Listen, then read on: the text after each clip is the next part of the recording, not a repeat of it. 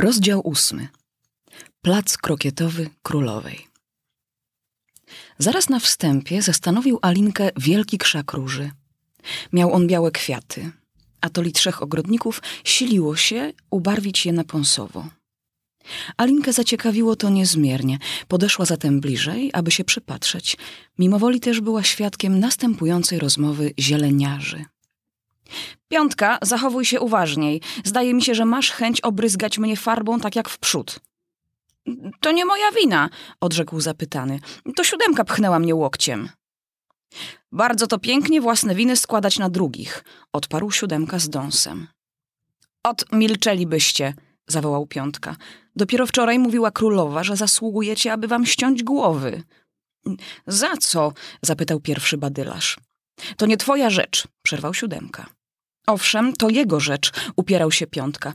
Otóż dlatego, że kucharzowi zamiast cebuli podałeś bulwy tulipanów. Siódemka opuścił na chwilę pędzel, chcąc mówić, gdy wzrok jego padł na Alinkę stojącą i przypatrującą się. Pohamował się więc nagle. Pozostali zaś rozejrzeli się dookoła, kłaniając się nisko. Czyżbyście nie chcieli mi powiedzieć, rzekła Alinka nieśmiało. Na co malujecie te róże? Piątka i siódemka zamienili między sobą spojrzenia. Wreszcie siódemka zaczął głosem stłumionym. Tu oto, widzi panienka, miał rosnąć pąsowy krzak róż. Myśmy zaś przez pomyłkę zasadzili krzew biały. Gdyby więc królowa to spostrzegła, kazałaby nam wszystkim głowy pościnać. To też pracujemy usilnie, aby błąd nasz naprawić, zanim ona nadejdzie i w tej właśnie chwili piątka trwożliwie rozglądający się po ogrodzie zawołał: Królowa, królowa! I trzej ogrodnicy plackiem runęli na ziemię. Alinka obejrzała się pośpiesznie, pragnąc przypatrzeć się monarchini. Zobaczyła też długi, zwolna posuwający się korowód. Na wstępie szło dziesięciu żołnierzy, niosących buławy, w jednakowych mundurach, podłużnych i spłaszczonych, spod których wyglądały jedynie końce nóg i rąk. Później kroczyło dwunastu wystrojonych i wybrylantowanych dworaków, para za parą, podobnie jak żołnierze. Wreszcie następowały dzieci królewskie. Było ich dziesięcioro. Maleństwa w sukienkach przybranych sercami szły podwoje, ręka w rękę, podskakując wesoło. Wreszcie maszerowali goście. Grono to po największej części złożone było z królów i królowych, a między nimi znajdował się biały królik. Idąc, rozmawiał z otoczeniem żywo i uśmiechał się chwilami. Wreszcie postępował walet sercowy, niosąc koronę królewską na karmazynowej poduszce. A w końcu tego wspaniałego orszaku szedł król i królowa Kier. Alinka namyślała się, czy nie paść na kolana, tak jak to ogrodnicy uczynili, lecz nie mogła sobie przypomnieć, aby tak kiedykolwiek czyniono podczas uroczystości. Hm, cóż by zresztą miały za sens takie pochody, rozumowała. Gdyby ludzie padając na twarz tym samym nie mogli ich oglądać. Stała więc i czekała. Widziała zresztą, że to są tylko karty do gry, Lękać się więc nie miała czego. Gdy korowód zbliżył się do Alinki, wszyscy przystanęli, spoglądając na nią surowo. Królowa zaś spytała. Co to za jedna? Rzekła to do waleta czerwiennego, który miast odpowiedzi uśmiechnął się tylko. Głupi, niechętnie rzekła królowa i zwracając się do dziewczynki, mówiła. Jak się nazywasz, mała? Na imię mi Alinka, proszę waszej królewskiej mości. A któż są oni? zagadnęła królowa, wskazując trzech ogrodników leżących plackiem na ziemi. Z grzbietu bowiem zupełnie byli podobni do siebie, jak i do reszty towarzystwa. Skąd mam to wiedzieć? rzekła Alinka, zdziwiona własną odwagą. To nie moja rzecz. Królowa ze złości stała się szkarłatną i obrzuciwszy ją jadowitym spojrzeniem wrzasnęła. Ściąć jej głowę, ściąć, ściąć. Cóż to za głupstwo, rzekła Alinka głośno i stanowczo, po czym umilkła. Król ręką swoją musnął ramię królowej, mówiąc łagodnie. Zważ, moja droga, to tylko dziecko.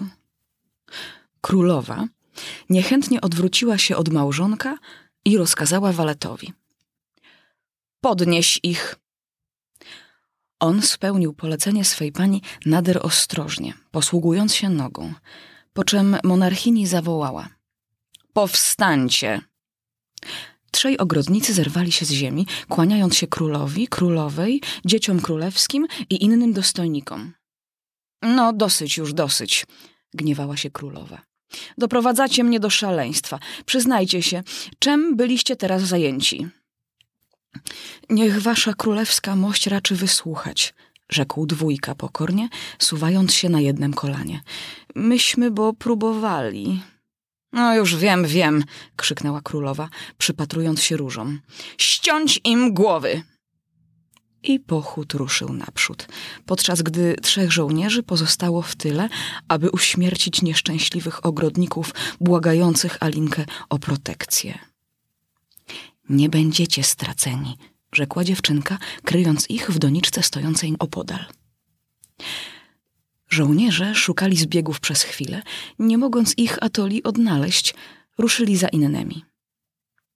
Czy głowy ich już ścięte? syknęła królowa. Ścięte proszę waszej królewskiej mości, chórem zawołali zapytani. To dobrze, zawyrokowała królowa. Czy umiesz grać w krokieta? Żołnierze umilkli, spoglądając na Alinkę. Pytanie bowiem do niej było zwrócone. Umiem, potwierdziła dziewczynka. A więc chodź z nami, zawołała królowa. I Alinka połączyła się z pochodem, oczekując z ciekawością, co dalej nastąpi. Cudny jest dzień dzisiaj, zapiszczał nieśmiały głosik tuż przy niej. Obejrzała się. Biały królik z niepokojem w oczy jej spoglądał. O tak, potwierdziła. A gdzie księżna? Ciszej, ciszej, szepnął królik. Ona jest pod groźbą egzekucji. Za co? zapytała Alinka. Gdyż szturchnęła królowe w ucho. Alinka parsknęła śmiechem. Królik zaś zadrżał ze strachu, błagając. Miarkuj się przecie, gotowa cię usłyszeć. Na miejsca! rozległ się grzmiący okrzyk królowej. I całe towarzystwo rozleciało się w najrozmaitsze strony, rozpychając się wzajemnie. Po kilku minutach wszyscy już byli na stanowiskach i zabawa się rozpoczęła. Dotąd nigdy jeszcze Alinka nie widziała tak ciekawego placu krokietowego.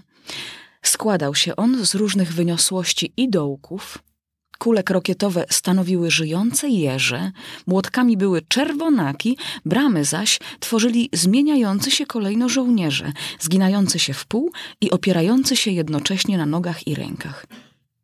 Manipulacja z ptakiem była nieco uciążliwą dla Alinki. Jeszcze jako tako potrafiła go ująć i ułożyć pod pachą, lecz zazwyczaj właśnie wtedy, gdy udało się jej już należycie wyprostować jego szyję, aby łebkiem cios wymierzyć jeżowi, Wówczas właśnie czerwonak odwracał się do dziewczynki, z jakim zdziwieniem spoglądając jej w oczy, że mimo woli parskała śmiechem. A gdy wreszcie nakierowywała na nowo jego głowę, aby znowu uderzyć, z gniewem spostrzegała, że jeż właśnie się rozwinął. Poza tym, gdziekolwiek bądź chciała jeża skierować, wszędzie górka lub dołek były jej na przeszkodzie, a zmieniający się żołnierze nieustannie kręcili się po placu. Rychło więc doszła do przekonania, że zabawa ta bynajmniej nie jest łatwą. Ponieważ gracze, nie czekając kolei, jednocześnie rzucali jeżami, bijąc się i kłócąc za wzięcie, królowa rychło wpadła w gniew i co minuta rozlegały się jej rozkazy. Precz z jego głową! lub precz z jej głową!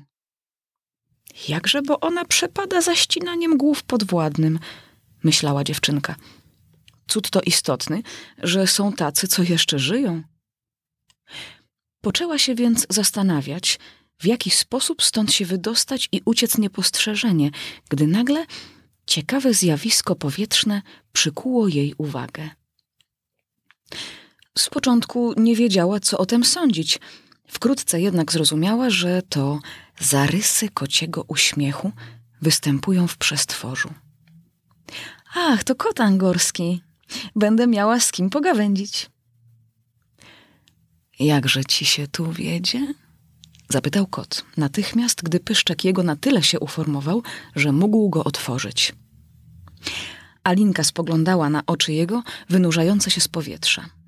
Postanawiając odpowiedzieć dopiero wówczas, gdy uszy jego się okażą.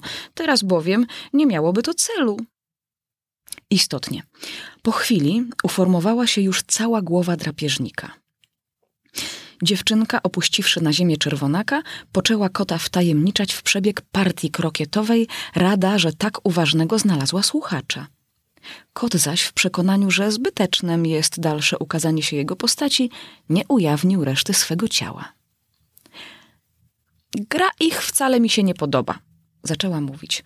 Kłócą się tak zawzięcie, że nie można dosłyszeć własnego głosu i, o ile mi się zdaje, nie przestrzegają żadnych prawideł gry. Żywe zaś ich przybory doprowadzają do szaleństwa. Przed chwilą miałam skrokietować jeża królowej i cóż powiesz, że gdy mój jeż dotaczał się do jeża królowej, tamten zerwał się i uciekł. A królowa, jakże ci się podoba? Zapytał kot z cicha. Nie podoba mi się wcale. W tej chwili spostrzegła podchodzącą i ciekawie podsłuchującą królowę. Z kim to rozmawiasz? Zapytał król, zbliżając się do Alinki i spoglądając z zainteresowaniem na głowę widoczną w powietrzu. Z przyjacielem moim, kotem angorskim. Pozwolisz królu, że ci go przedstawię. Jego towarzystwo bynajmniej mnie nie nęci, zresztą pozwolę, by ucałował mi ręce. Ani mi się śni, miałknął kot. Jesteś impertynentem, zawołał król, kryjąc się za plecami Alinki. Zabraniam ci patrzeć na mnie. Jego trzeba stąd usunąć, krzyczał, a zwracając się do królowej dodał: Pragnąłbym, moja duszko, aby ten kot został stąd usunięty. Królowa miała tylko jedyny sposób rozwiązania wszelkich zawikłań. Krzyknęła więc: Precz z jego głową! Przywołam katów, rzekł król gorączkowo i odszedł. Trzem już uczestnikom z kolei monarchini naznaczyła wyrok śmierci za to, że nie pilnowali swojej kolei podczas gry. Alinka więc, jakkolwiek niechętnie, poczęła się oglądać za swą kulą jeżem. Zwierzątko spoczywało w bliskości jednego ze swych towarzyszy. Chwila skrokietowania była więc stosowną. Czerwonak jednakże gdzieś się ulotnił. Alinka z wysiłkiem odnalazła ptaka i niosła go na plac krokietowy. Jeże jednakże tymczasowo oddaliły się i znikły bez śladu. Ponieważ i żołnierze tworzący bramki również się gdzieś zawieruszyli, więc dziewczynka z czerwonakiem pod pachą postanowiła udać się na dalszą pogawędkę z przyjacielem kotem. Z daleka już spostrzegła zbity tłum dysputujący namiętnie, w czym również brali udział król, królowa i kaci. Ponieważ wszyscy mówili razem, trudno było pojąć, o co właściwie chodzi. Wreszcie zrozumiała, iż nie mogą oddzielić głowy od tułowia wówczas, gdy tułów ten wcale nie istnieje. Król twierdził, że wszystko, co ma głowę, może jej być pozbawione. Alinka zaś wtrąciła uwagę, że kot jest własnością księżnej, zatem należałoby przede wszystkim porozumieć się z nią. Ponieważ księżna była w areszcie, za zgodą więc królowej Kaci jak strzała pomknęli do więzienia. W tej samej jednakże chwili zarysy kota zaczęły blednąć i rozpływać się w przestrzeni, a gdy posłowie powrócili, prowadząc skazaną, głowy nie było i śladu. Daremnie król i Kaci, gnani wściekłością, jeszcze przez czas dłuższy biegali po placu. Głowa nie ukazała się więcej. Publiczność więc zwolna powróciła na miejsce zabawy. Czytała Małgorzata Wojciechowska.